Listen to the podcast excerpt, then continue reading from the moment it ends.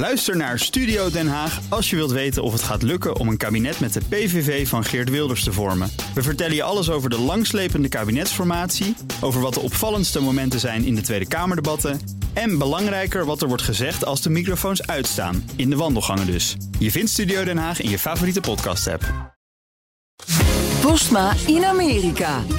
Tijd voor het Amerikaanse nieuws door de ogen van onze correspondent in Washington, Jan Postma. Jan, na de nieuwe aanklacht tegen Trump van deze week staat ook zijn voormalig vicepresident Mike Pence weer in de schijnwerper. Ja, zijn aantekeningen blijken een belangrijke bron te zijn voor Jack Smith in zijn onderzoek naar Trumps rol rond 6 januari.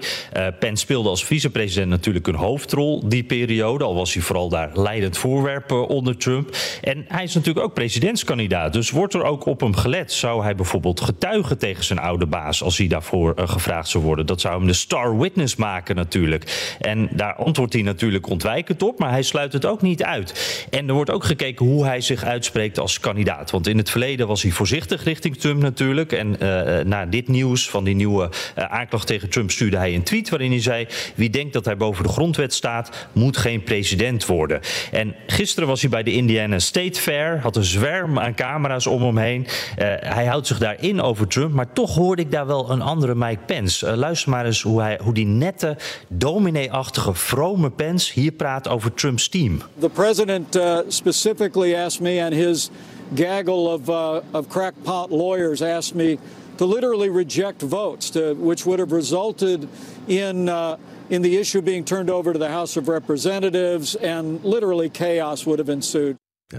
Ja. ja, a gaggle of crackpot lawyers. Dat is toch eventjes andere taal. Hè? Ja. Echt een verandering van toon. En hij zei het op Fox News, dus hij weet ook waar hij dat zegt. Ja.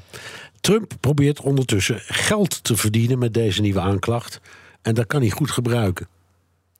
Ja, precies. Zijn uh, campagne stuurt uh, aan de lopende band e-mails voor donaties. Doet hij altijd natuurlijk. Maar één viel me nu wel op. Uh, het zijn er nu echt meer geworden dus. Maar één viel me echt op. En daarin waarschuwt Trump dat hij voor 561 jaar de cel in kan gaan. Als hij in alle zaken overal schuldig wordt bevonden.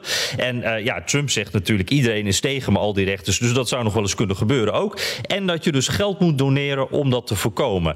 En nou, ik wilde nog even nakijken of dat getal nou klopt. Als je alle aanklachten bij elkaar optelt maar ik moet zeggen, ik dacht, het is sowieso niet reëel. Dus dat heb ik maar even gelaten, Bernard. Maar uh, Trump die wil optimaal profiteren. Hij zag na zijn eerste aanklacht in New York dat er veel meer donaties binnenkwamen. Echt een duidelijke piek. Maar voor de tweede aanklacht, om die geheime documenten in Mar-a-Lago, daar is het piekje nog maar half zo hoog. Dus het is de vraag wat die derde aanklacht doet uh, als het gaat om donaties. Ja. Misschien wordt die ook alweer wat groter, want 6 januari is wel een soort open zenuw natuurlijk. Ja, ik, ik, ik las ook een stuk. Um ik meen in de, in de, de Washington Post over de bestedingen van zijn, uh, uh, ja, van zijn verkiezingspot.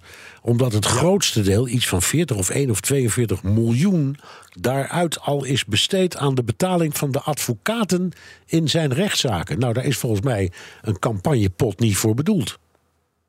Nee, precies. En het is wel een heel interessant detail. Want de Trump-campagne haalde in het eerste halfjaar zo'n 50 miljoen dollar binnen.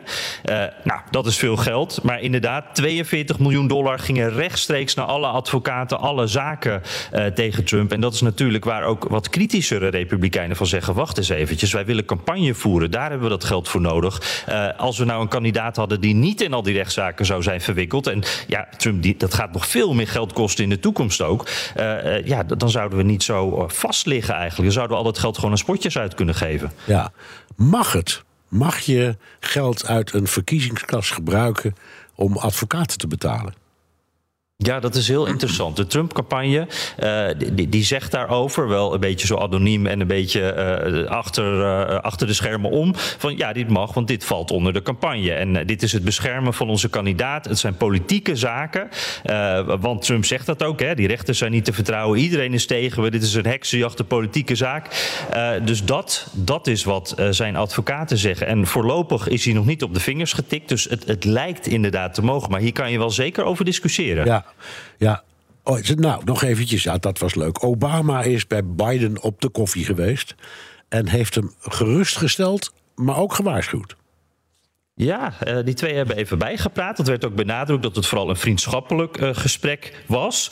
Uh, en, ja, er was wel goed nieuws voor beiden. Want Obama die heeft nog eens gezegd dat hij hem op elke mogelijke manier gaat steunen de komende campagne. En dat is wel belangrijk. Want Obama is natuurlijk verreweg de populairste man binnen de Democratische Partij. Dus als je die hebt, is de kans dat er nog een tegenkandidaat op staat. Ik zag bijvoorbeeld dat de gouverneur van Californië, die is toch een beetje gedrag aan het vertonen. Dat hij misschien toch een beetje aan het aftasten is of hij uh, nog zou kunnen doen. Maar uh, als jij dus Obama achter je hebt staan als Biden, als zittende president, dan wordt die kans wel wat kleiner dat iemand nog tegen je op durft te staan. Dus dat was goed nieuws. Maar Obama waarschuwde Biden ook dat Trump echt wel een moeilijke tegenstander wordt en dat hij niet onderschat moet worden. Juist omdat zijn achterban natuurlijk altijd achter hem blijft staan.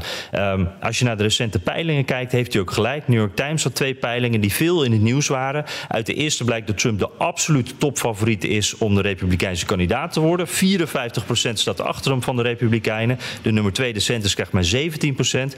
En ja, het is een beetje onzin om het nu te doen, want die verkiezingen zijn nog lang niet. Maar als de verkiezingen nu zouden zijn en het is Trump tegen Biden, dan zouden ze gelijk staan. Allebei 43%. Dus kan nog veel gebeuren, maar ik denk dat die waarschuwing van Obama, daar zit wel wat in. Hoor. Die strijd is nog lang niet gestreden in de campagne en ook in de rechtszaal. Dankjewel, Jan Postma, correspondent in Washington. Ook Thomas van Zeil vind je in de BNR-app. Je kunt live naar mij luisteren in Zaken doen. De BNR-app met breaking news, het laatste zakelijke nieuws... en je vindt er alle BNR-podcasts, bijvoorbeeld Het Nieuwe Geld. Download nu de gratis BNR-app en blijf scherp.